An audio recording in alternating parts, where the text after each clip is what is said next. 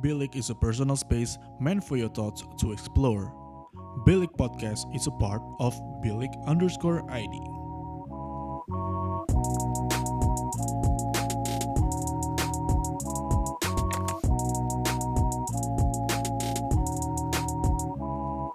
Bilik, your thoughts matter.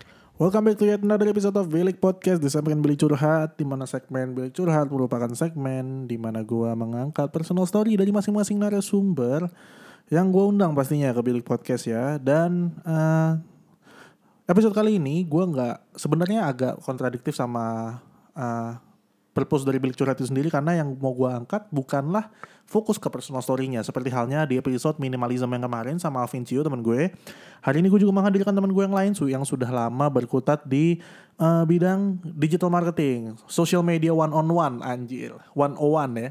101 itu kan basic-basic gitu ya. Di sini gue punya Doski Dos. Hello Doski Dos. Nando. Halo, selamat malam, Viko.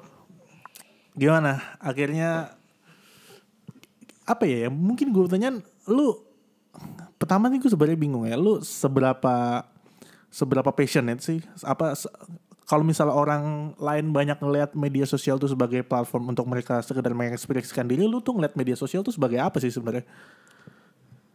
Sebagai media yang bisa kita explore lebih jauh sih sebenarnya. Dan di sini gue ngelihat bahwa sosial media itu adalah media yang harus kita jelajahi lebih jauh dan harus kita ketahui bahwa di dunia ini eh, nggak luput dari sebuah eh, internet yang merajalela di eh, muka bumi ini dan salah satu platform yang harus kita ketahui dan kita kenal lebih jauh ya sosial media itu sendiri. Nah, tadi lu sempat ngomong soal explore lebih jauh. Emang lu lu merasa sudah sejauh apa nge-explore sosial media sendiri?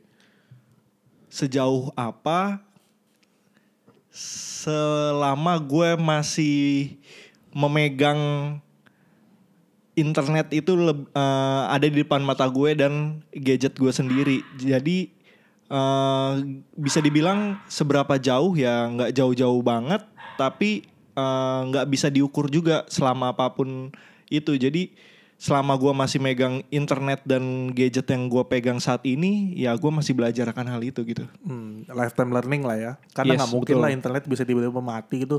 Mungkin aja sih, cuma kayak kecil banget kemungkinannya. Kemungkinan Tapi kecil mungkin banget. buat teman-teman eh, pendengar bilik ya, bilik podcast, mungkin ada yang bertanya-tanya nih sini sebenarnya siapa sih narasumber hari ini? Ya mungkin gue bisa nanyain eh, background lu dulu kali ya. Lu nih eh, bekerja di bidang apa dan sudah berapa lama gitu misalnya? Ya background check aja. Oke, jadi perkenalkan semuanya, nama gue Marinus Fernando, biasa dipanggil Nando. Nah di sini gue lulusan komunikasi, kampus gue di Universitas Multimedia Nusantara. Lengkap ya. Nah gue akhirnya terjun ke dunia digital media marketing khususnya eh, di salah satu agensi di Gading Serpong yang didirikan oleh senior gue di UMN. oh jadi dia nih eh, sen- senior UMN. Betul, dia ini adalah senior UMN. bukan asal apply gitu terus tiba-tiba dia sebagai bosnya gitu apa gimana? Eh, enggak, jadi gue di eh, jadi kakak kelas gue ini minta tolong kepada dosen nya yang dulu di UMN juga. Eh, akhirnya eh, ngobrol sama dosen tersebut, dia nanya Pak kira-kira kualifikasi eh, seorang AE yang saya butuhin tuh kayak gini-gini, bapak ada punya kenalan nggak anak bapak sendiri? Nah akhirnya gue direkomendasiin, beliau namanya Pak Eko. Pak Eko akhirnya nelpon gua tuh, Fernando kamu lagi sibuk apa? Basa-basi gini-gini lah. Aku bilang, saya habis sidang sih pak, Eh, belum ada nge-play ke mana-mana. Wah kebetulan nih, jadi ada kakak kelas kamu yang butuh AE Oh. di agensinya.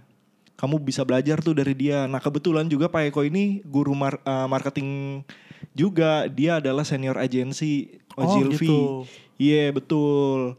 Dia senior Ogilvy di Jakarta. Nah, gua juga sempet denger cerita seru sih. Apa itu AE dari beliau juga. Jadi sebelumnya tuh sebelumnya lu paling cuma nge-grabs AE account eksekutif itu sebagai ya definitif aja gitu ya. betul. Baru setelah lu mendengarkan cerita dari beliau, lu baru oh ah, seru nih kayaknya nih. Kayaknya seru nih dan gua tertantang untuk masuk ke eh, ranah yang sama dengan beliau. Akhirnya karena beliau juga akhirnya ngepercayain gua bahwa gua bisa masuk ke tempat tersebut, ya kenapa enggak gua ambil kesempatan ini gitu. Akhirnya setelah gua sidang itu gua sidang itu tanggal 25 Juni Iya, 2019. 2020. 20 20. 2020. Nah, 25 Juni 2020 itu ma hari Kamis kalau nggak salah, nah hari Seninnya gue langsung masuk tuh. Oh, Langsung pas masuk. banget ya. Pas banget. Mana waktu itu kan udah selesai magang juga kan. Betul, Nah, udah waktu itu magang juga di marketing juga kan? gue di marketing komunikasi, cuman bukan di agensi tapi lebih ke arah Korporat. Corporate dan itu masuk ke exhibition, kayak Oh, iya. pameran gitu. Iya, iya, iya. I see. Terus akhirnya cerita yang ah, do- dosen lu ini ceritanya seperti apa, Dok? Waktu itu Pak Eko ini. Pak Eko ini seru banget lah. Dia itu Enggak cerita yang waktu itu yang akhirnya bisa bikin oh, AE menarik nih. Heeh. Nah, dia ini megang brand-brand yang menurut gue udah besar dan ternama di Indonesia kayak kayak Marta Tilaar, Oh. Lux, terus dia juga megang kosmetik juga kan itu. Nah, terus dia juga megang brand rokok, dia megang brand bir, minuman-minuman keras gitu kayak wah, menarik sih karena beliau ini eh, backgroundnya seorang dosen juga, pa- part- eh, praktisi di UMN di kampus gua. Lalu dia juga adalah salah satu AE di Ogilvy. Nah, dia megang beberapa brand yang bertolak belakang dengan eh, gendernya dia, seorang pria gitu, megang Exactly. kosmetik gitu. Exactly. Nah, gue nggak denger cerita dia itu seru banget cuy, karena ketika dia megang sebuah brand yang eh, dia geluti, dia itu harus memiliki sense of belonging juga dari Betul. brand tersebut. Kayak misalnya kosmetik, eh, lipstick gitu. Dia harus benar-benar nyobain lipstick itu. Gimana gimana lipstick itu bekerja di mulutnya dia. Gimana dia akhirnya menceritakan dan eh, memberitahu kepada orang-orang bahwa wah lipstick ini benar-benar eh, merekat di bibir kita loh atau lipstick ini eh, bertahan lama loh hingga 12 jam lebih dan segala macam gitu. Jadi dia benar-benar merasakan bahwa sebuah brand itu melekat pada dirinya dia padahal dia adalah seorang pria gitu. Nggak dipakai ya. Iya. Ini ini menarik karena ba- baru minggu lalu banget gue ngebawain. Gue kan network marketer ya. Maksudnya main MLM dan di perusahaan kosmetik gitu. Hmm. Baru minggu lalu banget gue ngebawain materi bagaimana salah satu uh, alasan gue memilih brand ini adalah karena gue bisa memiliki personal branding yang unik. Ini loh kita lompat dikit ya kita ngomongin Oke. personal branding. Lompat yang unik. Eh apa kita bisa memiliki personal branding yang unik? Personal branding unik seperti apa? Yaitu laki-laki kok jualan kosmetik. Itu kan unik ya. Dan Bener. dan dan orang nggak bisa dinafikan kalau ini masuk ke jurnalistik nih orang nggak bisa dinafikan akan lebih mengkonsumsi informasi atau mengkonsumsi uh, sebuah konten yang nyeleneh yang aneh daripada konten yang normal- normal-normal aja cewek jualan lipstick ya biasa tapi kalau cowok cowok jualan lipstick lipstick gitu kenapa gitu Kenapa nih? jadi wah wah ada ke- kemiripan ya bagus ih seru banget terus terus gimana Iya pokoknya eh, akhirnya dia pindah ke brand lain. Dia juga pernah megang brand eh, ini jadul banget mungkin orang orang tua kita mungkin yang tahu karena brand ini udah nggak ada namanya Triple Five. triple five Triple Five jadi 555 itu nama brandnya di- eh, rokok ini. Nah beliau juga nyoba akhirnya bagaimana merasakan eh, ngerokok yang santai dan enak itu seperti apa sih kenapa orang-orang bisa mau beli rokok Triple Five ini. hmm. Nah, beliau juga kayak bikin kayak tagline atau slogan kayak untuk untuk brand ini kayak gimana ya? Saya mau meningkatkan brand ini agar dikenal uh, oleh orang lain gitu. Kayak misalnya teh botol Contohnya ya, kita ambil teh botol kayak apa pun makanannya, minumnya gitu Teh kan. botol, Teh iya. botol. Nah, iya, beliau juga akhirnya megang kayak gitu ternyata di AE. Nah, karena ini brandnya 555 kayak gimana ya? Dan gokilnya sih emang beliau ahli sih dalam hal tersebut makanya eh, waktu itu tagline-nya Triple Five ini kayak dia bikin double your style, triple your five. Anjay gue kayak wah keren banget deh. Keren-keren ini nih, tagline-nya. ini yang kayak gini-gini nih udah masuk salah satu contoh kasus di copywriting ya? Apa bener, bener, ya? bener, kan? Copywriting di salah satu brand, Brand. itu menjadi kayak identitas atau tagline yang uh, menjadikan itu dikenal banyak orang yang masuk dan mengena di pikiran maupun di hati seorang gitu kayak kalau lu mau mau doublein keren lu gaya lu ya yang lu pilih Triple five. triple your five Triple F five. Ah, shit. makanya double your style oke. triple your five gokil gue bilang sih Dan mungkin kalau misalnya contoh yang paling sekarang mungkin yang yang ngena banget mulai aja dulu ya. mulai aja dulu itu kan dari kayak Tokopedia mulai aja dulu gitu. Oh, oh Tokopedia. Itu ada seninya pasti ya untuk melekatkan sebuah tagline atau sebuah jargon ya. Betul. eh, yang bisa bikin orang nih langsung kayak gitu. Oh, ini brand ini. Oh, ini brand ini kayak gitu betul kan. betul jadi kayak eh, dia tuh melekat banget dengan eh, identitas atau filosofi dari brand itu sendiri. Jadi kalau Gojek kan pasti aja ada, ada jalan atau selalu ada jalan ya kalau nggak salah ya. Jadi merempet ke bagaimana sebuah brand ini berkembang atau bergerak gitu. Kayak mulai aja dulu Tokopedia pasti dia mau ngebuka sebuah uh, UMKM yang bergerak di offline lalu mau belajar di online terus bingung nih, Takut gitu ya. takut nanti gimana nanti gimana udah nanti gimana mulai aja dulu mulai gitu. aja dulu Oke. kayak gitu. Jadi emang harus se- sebagai kalau bisa sesimpel dan sependek, bukan sependek sih, sesimpel sesimpel mungkin yang maksudnya lebih easy consuming gitu ya. Harus juga syarat makna ya.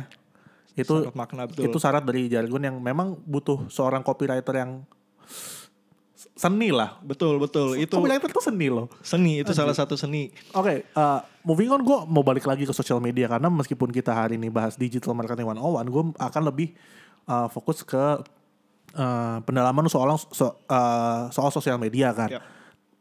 Gue pengen nanya, menurut lu nih ya, untuk sosial media yang sekarang, gue lihat, gue bisa lihat bahwa 10 tahun terakhir, uh, apa ya, sosial media tuh gokil banget sih. 2011 gue cuma punya Facebook sama Twitter.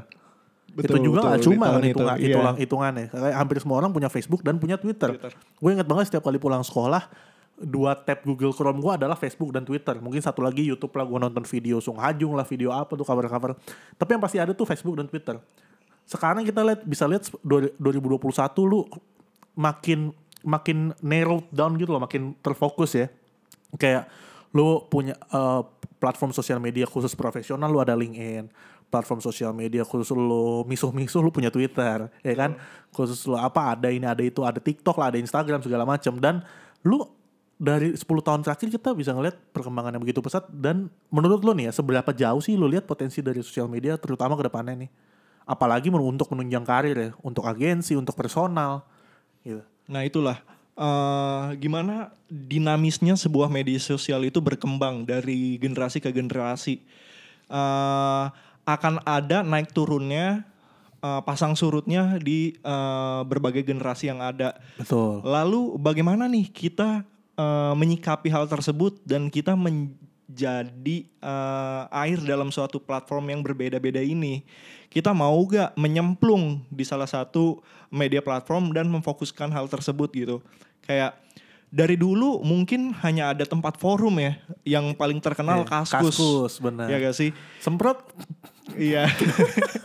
nah, di di situ juga akhirnya akhirnya berkembang kan. Akhirnya membuka membuka media platform yang lain, tempat forum yang lain menjadi tempat diskusi yang kemarin sempat viral pasti ya. Namanya Clubhouse. clubhouse Nah, itu bener-bener kita Apa buka-bukaan. kabar lo? Udah Apa mulai- kabar tuh? iya kan? Udah udah redup lagi, lagi. iya.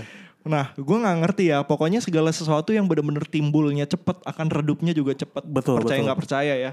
Nah, gimana developer media sosial ini tuh eh, menahan, menjaga loyalitas customernya mereka?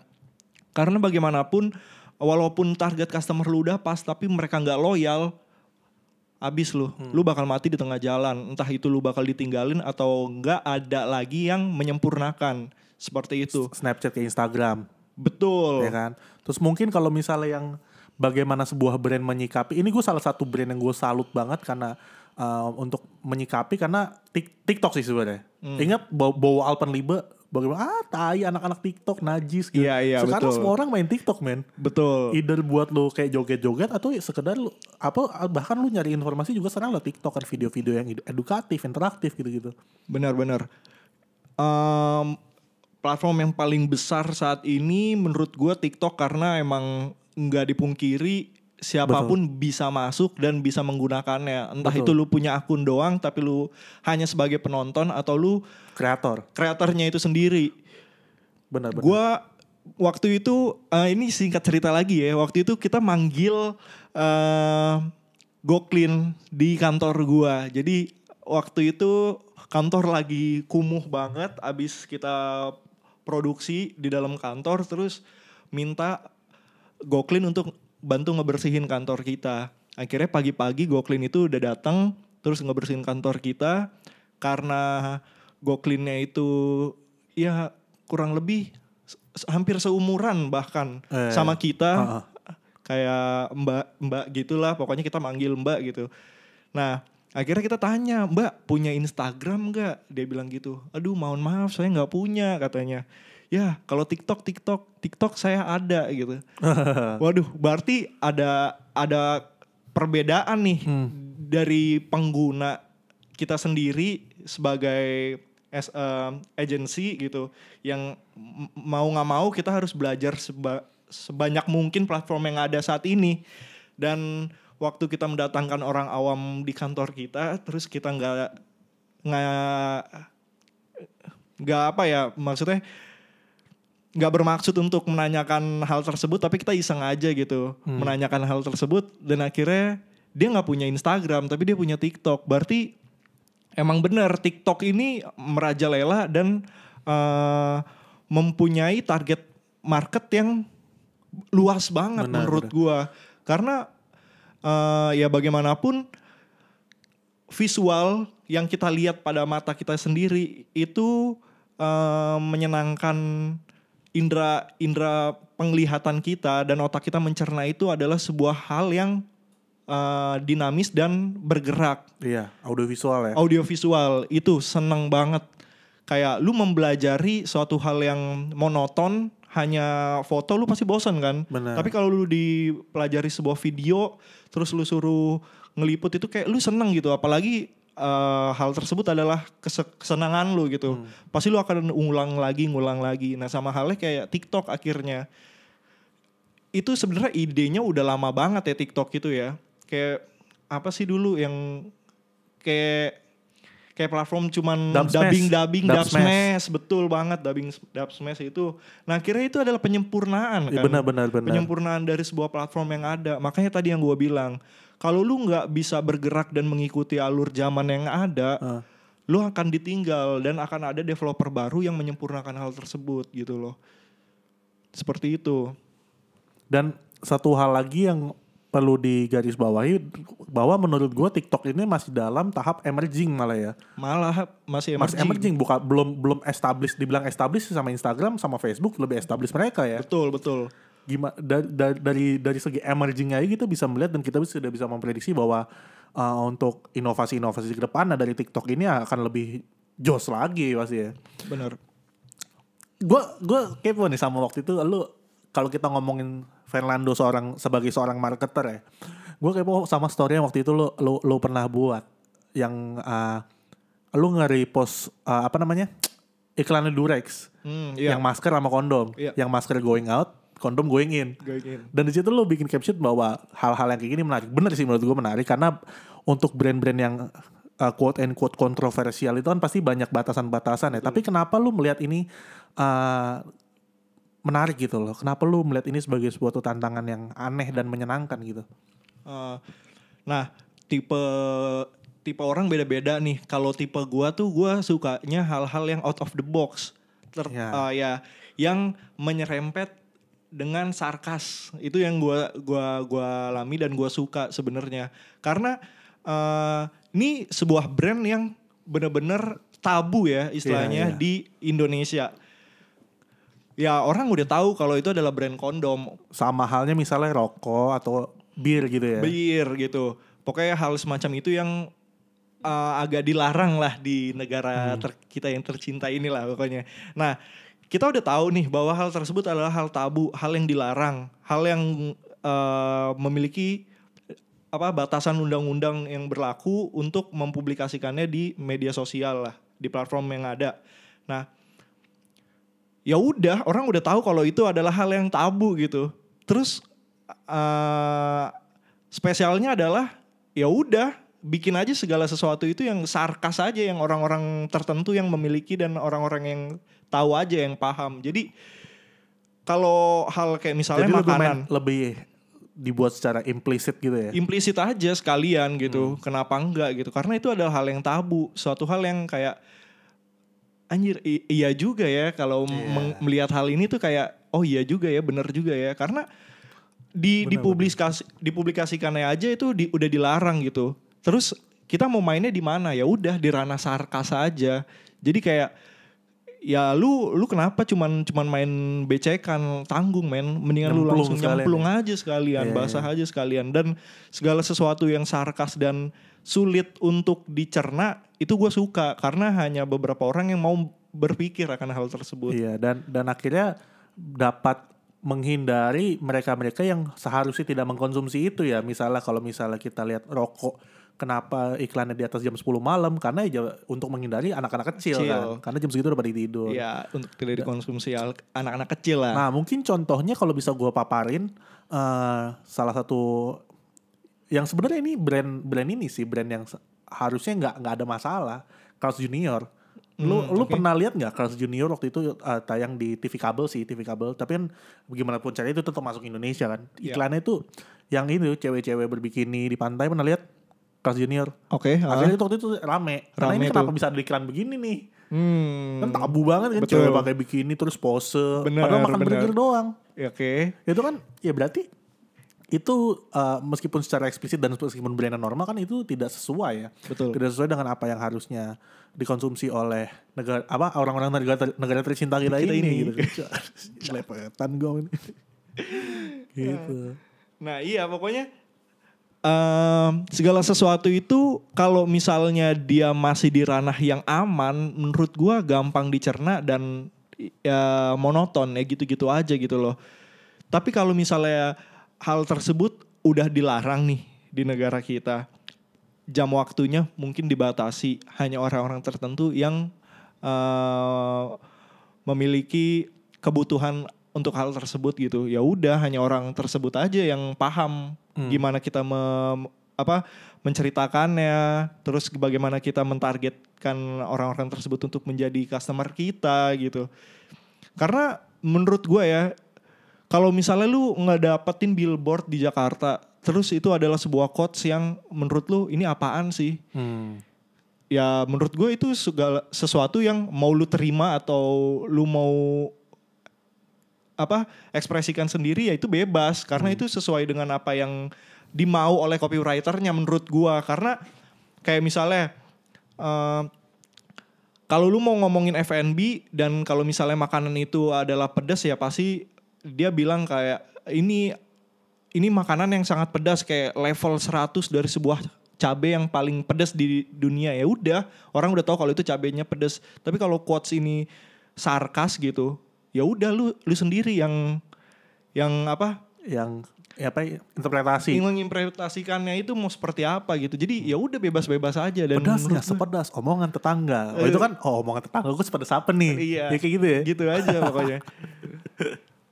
Nah, hal-hal seperti itulah yang gue suka. Pokoknya ya udah tergantung lu lu mau menginterpretasikan itu sebagai apa gitu. Hmm. Baik atau buruk, ya positif negatif ya up to you gitu. Gue gua gua gua gua gua senang nih karena ekspektasi gue tadinya gue ngobrol sama lu soal digital marketing dan ya secara dasar ya secara permukaan gue kira bakal tadinya bakal bakal banyak bahasa-bahasa marketing kayak unique selling point, USP, CTA, call to action, segala macam. Tapi gue senang akhirnya kita jadinya jadi malah kayak cuma sharing gitu dan mungkin bisa didengarkan sama uh, kalayak yang lebih umum lah ya, lebih awam gitu, lebih kayak gue gitu. Tapi nah sekarang gue mau moving on nih. Kalau kita udah ngomongin soal sosial media, pasti nggak nggak nggak luput dari apa yang namanya image kita di sosial media itu Iya. sendiri di profile kita, personal branding ya kan. Oke. Uh, lu lu tuh kalau di- untuk lu sendiri sharing dong lu lu lagi bikin personal brandingnya seperti apa sih di, di sosial media lu mampus lu Lu tembak Eh, gue mengalir seperti air aja sih sebenarnya. Jadi apa yang lagi gue sukain, apa yang lagi gue gelutin ya gue mau sharing aja ke teman-teman. Kalau misalnya gue lagi fokus, misalnya tentang gue suka parfum ya gue pasti akan ada sesi gue lebih suka parfum nanti tiba-tiba otak gue lagi jalan buat media sosial nih lagi ngobrol ngobrolin tentang agensi atau digital media ya udah gue ngomongin itu ntar satu ketika gue lagi kosong terus gue lagi olahraga ya udah gue lagi ngomongin tentang Olahraga. gimana gue Kayak olahraga sebelum di ke sini lo ngomongin olahraga yang bisa dilakukan dalam 5 menit. Iya, Sampai 10 betul. menit. Tapi kalau di parfum di di parfum lagi di TikTok ya, gue Iya. merasa persona lu sebagai seorang yang ah, penyuka parfum tuh udah udah mulai terbentuk sih karena hampir semua konten lu kalau di TikTok itu parfum. Iya betul. Dan dan yang rame itu adalah konten-konten parfum. Parfum. Yang lain tuh ya ya oke cuma yang nggak nggak nggak ini, ini amat gitu Ya. kan. Parfum gitu. Jadi orang nyari TikTok lu tuh untuk tahu soal parfum. Nah iya ng- ngomongin tentang parfum juga kayak ya contohnya orang Indonesia sebenarnya orang Indonesia itu adalah orang yang sangat tertutup dan minim apresiasi kepada orang lain dan Betul. betul jadi orang-orang yang misalnya sebenarnya dia suka nih tentang eh, orang tersebut karena apa karena baunya misalnya Ah, ya kan wangi. wangi tapi orang Indonesia tuh malu-malu sebenarnya mereka tuh nggak mau kayak ngungkapin bahwa eh lu wangi banget itu Bener. Lebih gampang lo orang eh lu ga- ganteng dah, lu cantik Mm-mm, dari ini, lu daripada lu wangi dah. hari ini. Heeh. Dan dan dan gue nanya ke, ke kebanyakan temen cewek gue ya, lu milih yang ganteng apa yang wangi? Yang wangi. Serius dah. Kayak looks tuh bisa bisa ibaratnya ya bisa di bisa di ini loh. Tapi kalau orang dari dasarnya bau dan dia nggak nggak nyadar kalau dia bau itu Hmm. repot cok. repot bener. Repot bener. Nah makanya hal-hal yang kayak gini nih yang harus dibuka lagi lebih dalam eh, dan harus di, di apa ya berani dipublikasikan lagi sih Hmm. di Indonesia ini bahwa ya udah mengapresiasi seorang tentang di- dirinya dia bahwa dia wangi atau dia menyenangkan hidung lu ya nggak masalah gitu loh kenapa Benar. harus ditutup-tutupin gitu Benar, benar. karena orang Indonesia tuh sangat eh, meminimalisir tadi yang gue bilang untuk mengapresiasi seseorang tentang wangi. Hmm. Jadi eh, ya udah gue ngebuka karena gue juga suka nonton channel-channel dari luar negeri maupun Ah, lokal iya, iya. dan gue membicarakan itu le- bahasanya lebih simpel untuk dimengerti orang-orang. Seperti Khusus- sekarang gini ya. seperti sekarang ini dan pendengar gua di TikTok ya udah kenapa kenapa enggak ya itu adalah wadah yang ya gue juga nggak habis pikir dan juga kayak wah meledak juga nih gue juga bingung. Wah, pada waktu itu lu baru lu waktu gue masih bilik seduh waktu masih ada gerobaknya, Hmm? itu lu baru datang ke situ lu gue lagi coba garap parfum nih. Hmm, Ingat iya, gak lu? iya iya iya Kayak beberapa bulan lalu lu bilang gue lagi coba garap-garap soal parfum nih. Nih, Dan iya. sekarang sekarang udah mulai ke- kerasa gitu ya efeknya ya. Dan dan memang sih bahwa mungkin ini juga yang merupakan salah satu key factor yang bisa bikin konten atau sesuatu yang lu buat itu bisa bisa booming. Apa ap- lu bisa nggak sih nyari celah di mana yang sebenarnya itu orang-orang cari tapi mungkin nggak terlalu ter, ter, ter, ter- ter- terangkat ke permukaan gitu kan. benar benar Benar seperti yang, yang lu bilang tadi bahwa parfum ini kan merupakan sesuatu yang sebenarnya daily essential ya. betul Lu pergi pasti lu harus butuh sesuatu yang bisa bikin lu seger gitu lah. Untuk lu ketemu klien lu pasti punya harus parfum lah. Minimal kalau misalnya lu nggak parfuman gitu lu deodoran lah gitu kan. Deodoran kan juga wanginya beda-beda Beda, gitu kan. benar. Kayak gitu. Dan dan dan akhirnya setelah setelah selama ini ada yang angkat gitu loh. Pasti memang harus di, harusnya dikonsumsi sih kayak gitu. benar benar dan ya gue senang banget ternyata pendengar gua lumayan banyak itu di TikTok di TikTok. Dan kalau tapi kalau di Instagram ya, gue gue merhatiin uh, lu setiap kali bikin sebuah question box tuh pasti rame. Iya rame dan Iya gue kan? kayak dan gue bingung anjir mau mau apa mau ngebagiin lagi itu seperti apa karena aduh ini banyak banget dan gue kayak ayo gue pilih Iya. aja deh. Apalagi yang waktu itu tuh, yang paling yang paling ramai yang waktu traveling lah. Oh yang paling traveling sih itu gue nggak ngerti lagi. Bikin traveling itu paling paling paling ini. Aduh, konten gue yang aduh emang absurd banget ya. Kalau gue mau bikin konten itu emang tapi ya kayak gitu kan akhirnya kan dengan konten-konten seperti itu orang jadi tergolong, wih seru nih kayak gitu. Kayak bisa lu lu mainkan ija- imajinasi followers-followers lu kan yang kayak gitu. jadi interaktif. Itu sih yang sebenarnya gue coba aplikasikan di bilik ya, terutama di Instagramnya yang mungkin masih belum sempurna karena konten-konten yang mungkin sekarang lagi nggak di up nih kayak bilik podcast eh bilik podcast maaf mulu anjing bilik playlist sama bilik Fox Pop itu kan konten-konten yang gue membutuhkan eh, bantuan, bantuan dari followers-followers gue untuk ngisi gitu. Jadi gue tadinya visi gue untuk melibatkan followers gue sebanyak-banyak dari setiap konten yang gue buat gitu kan. Iya. Itu visinya seperti itu. Nah, nah sebagai seorang marketer lu mengevaluasi konten gue yang seperti itu kayak gimana? Coba Waduh. dari kita kita pilih salah satu aja deh, Bilik Fox Pop. Tahu kan lu yang Bilik Fox Pop? Iya. Ya, kayak gitu. Jadi Bilik Fox Pop ini buat mereka yang buat teman-teman yang belum tahu adalah konten Fox Pop yaitu konten audio di mana gue melemparkan satu pertanyaan tentang uh, hal yang mungkin sedang happening atau tentang general general aja gitu tentang hmm, mis- misalnya apa yang kamu akan kamu lakukan setelah pandemi selesai. Dan gue akan mencari mencari tiga orang untuk menjawab itu dalam format audio dan akhirnya gue publikasikan di Instagram. Da, audionya tuh 20 detik masing-masing orang kayak gitu. Buat yang nggak tahu tinggal cek aja di Instagramnya Bilik. Scroll rada ke bawah pasti ada. Nah gitu. Misalnya kayak gitu gimana? Ya, eh, sebenarnya udah bagus sih dari bilik ini sendiri. Melibatkan followers itu adalah hal yang paling eh, dicari oleh orang lain. Karena bagaimanapun eh, orang lain itu masuk dalam suatu media atau sebuah Instagram itu dia nggak mau hanya diedukasi hmm. sebenarnya ya mungkin dia dia me- mengambil sedikit dari sebuah media yang dia ikuti Hmm. itu menjadi eh, pengetahuan dia sendiri. Tapi yang paling seneng adalah ketika dia diberikan sebuah apresiasi tadi atau enggak dia dikasih wadah dalam sebuah sebuah media tadi untuk dia salurkan opininya, pendapatnya. Betul, iya, iya. Nah, ya gua gua seneng sih Bilik Fox Pop ini uh, memegang teguh akan hal tersebut. Jadi dia melibatkan followersnya, semoga followersnya bisa uh, ambil andil nih dalam sebuah segmen yang dia bikin. Hmm. Uh, har- harusnya ini harus lu pertahanin. Emang harus lu pertahanin karena bagaimanapun orang tuh senang dilibatkan sebenarnya.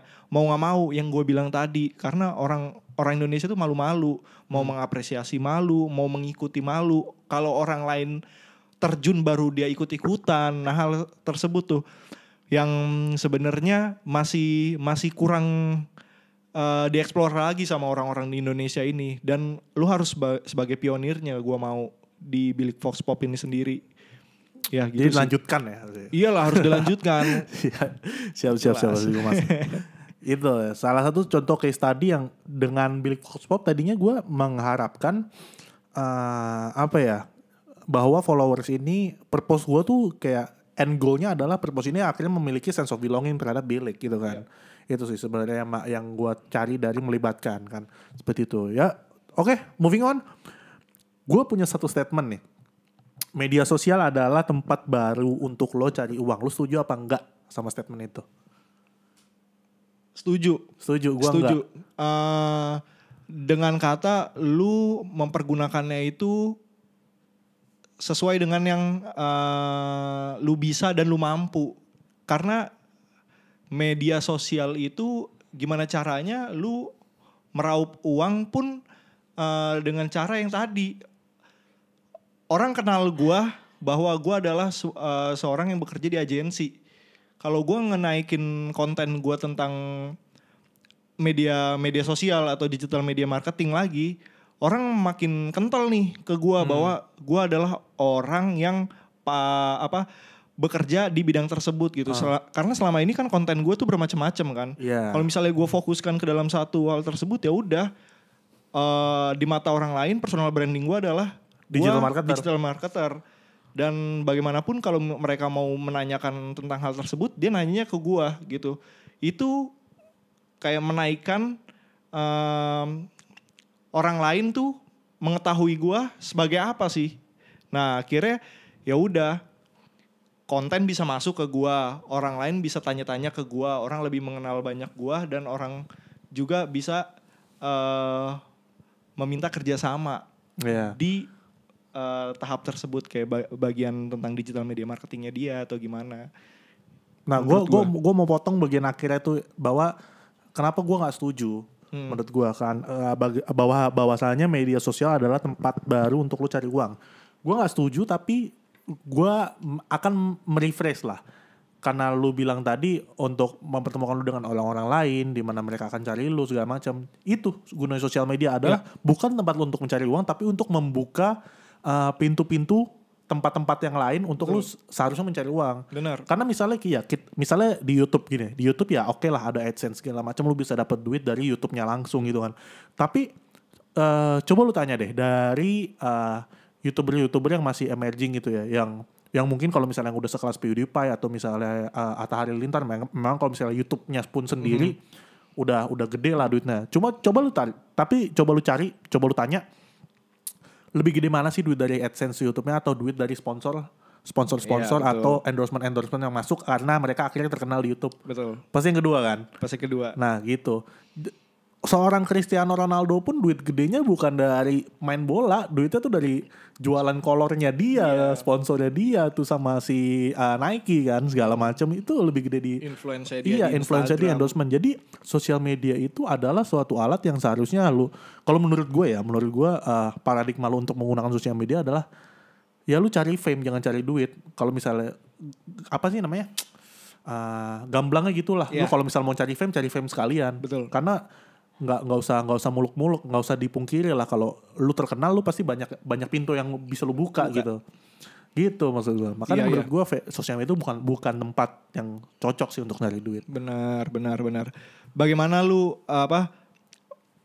eh Utilize. ya, utilize akan kebutuhan lu sendiri sih tentang sosial media ini sendiri itu seperti apa sebenarnya. Kalau misalnya lu mau cari ya ya itu sebagai wadah aja sebenarnya, opsi lain Benar. yang bisa lu gali di hal tersebut. Gitu Hmm. sih. Tuh misalnya kalau di LinkedIn juga kan kita bukan kerja di LinkedIn kan. Iya. Di LinkedIn kita mencari uh, recruiter, kita mencari karyawan. Jadi sebagai uh, platform yang mempertemukan, kan Mempertemukan, antara menjembatani. produsen dan dan konsumen gitu. Tengkulak lah ibaratnya. Bener. Tengkulak tak dibayar gitu. Mm-mm.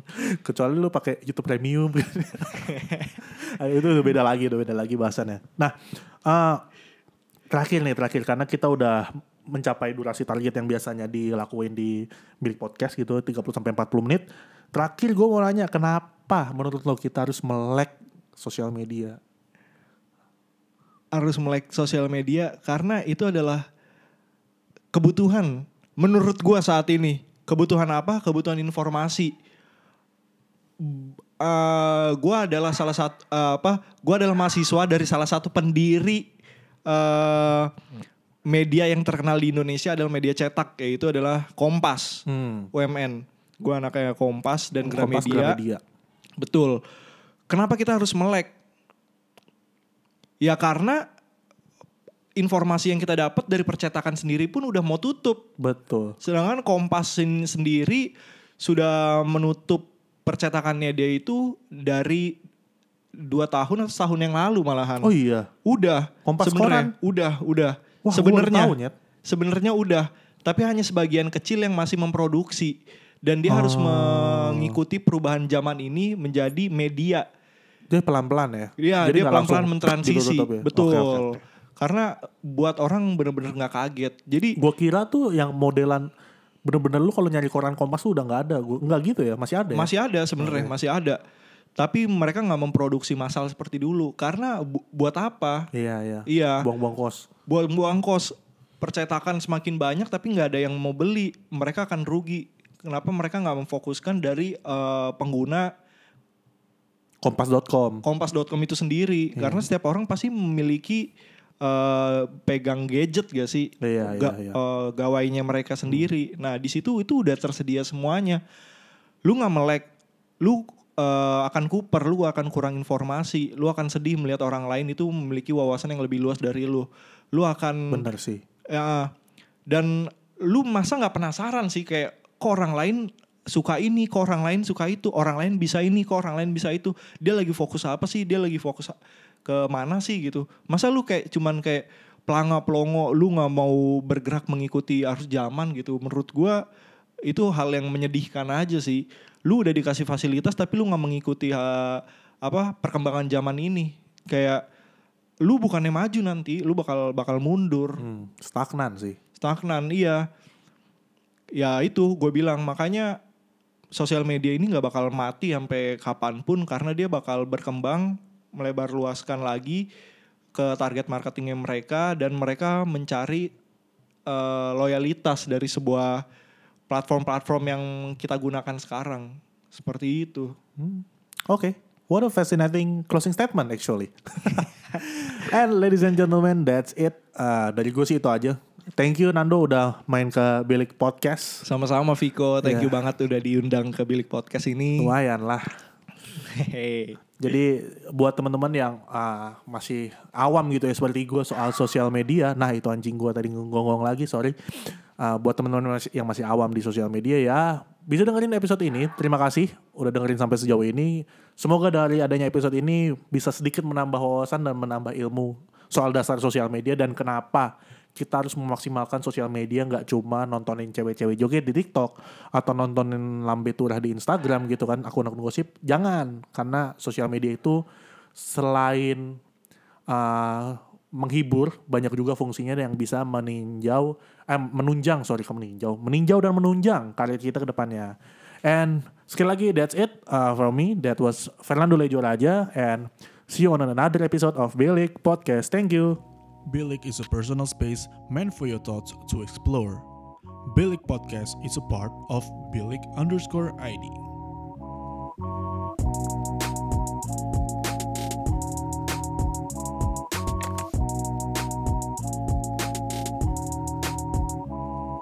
Bilik, your thoughts matter.